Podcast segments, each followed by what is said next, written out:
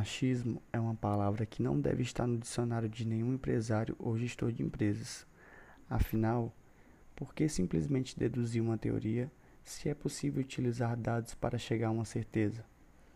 É provável que você já saiba que dentro da gestão de qualidade existem algumas ferramentas que auxiliam na melhoria dos processos de produção. E entre essas ferramentas existe o diagrama de dispersão. O diagrama da dispersão é conhecido como uma das principais ferramentas da qualidade que podem ser utilizadas por uma empresa. Trata-se de uma representação gráfica que analisa a relação entre duas variáveis quantitativas, uma de causa e uma de efeito. Quando você tem uma hipótese do que causou algo, mas ainda deseja comprová-la por meio de uma análise mais aprofundada. Esse tipo de diagrama traz números simultâneos das duas variáveis, deixando visível se o que acontece em uma variável causou interferência na outra. Ao estudar a correlação, você tem uma variável dependente, y, que é o efeito, que se relaciona a variáveis independentes, x, que são as causas. O modelo hipotético seria, portanto, y é igual à função de x. Essa relação entre as variáveis é chamada de correlação, e existem três tipos: a positiva, a negativa e a nula. Na correlação positiva, há uma aglomeração dos pontos em tendência crescente.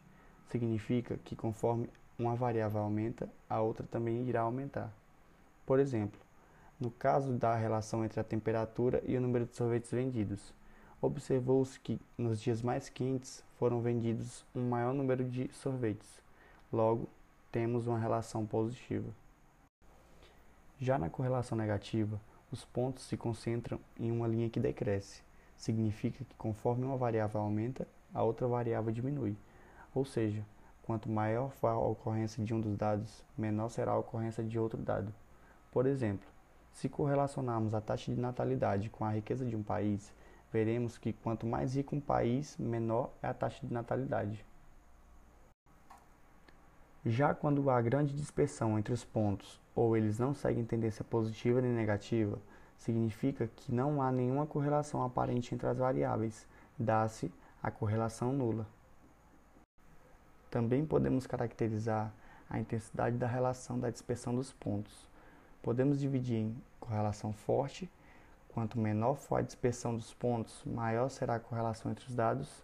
Com isso, podemos identificar como forte quando os dados estão bem próximos e altamente concentrados e também em correlação fraca. Quanto maior for a dispersão dos pontos, menor será o grau de correlação entre os dados, ou seja, eles quase não possuem correlação.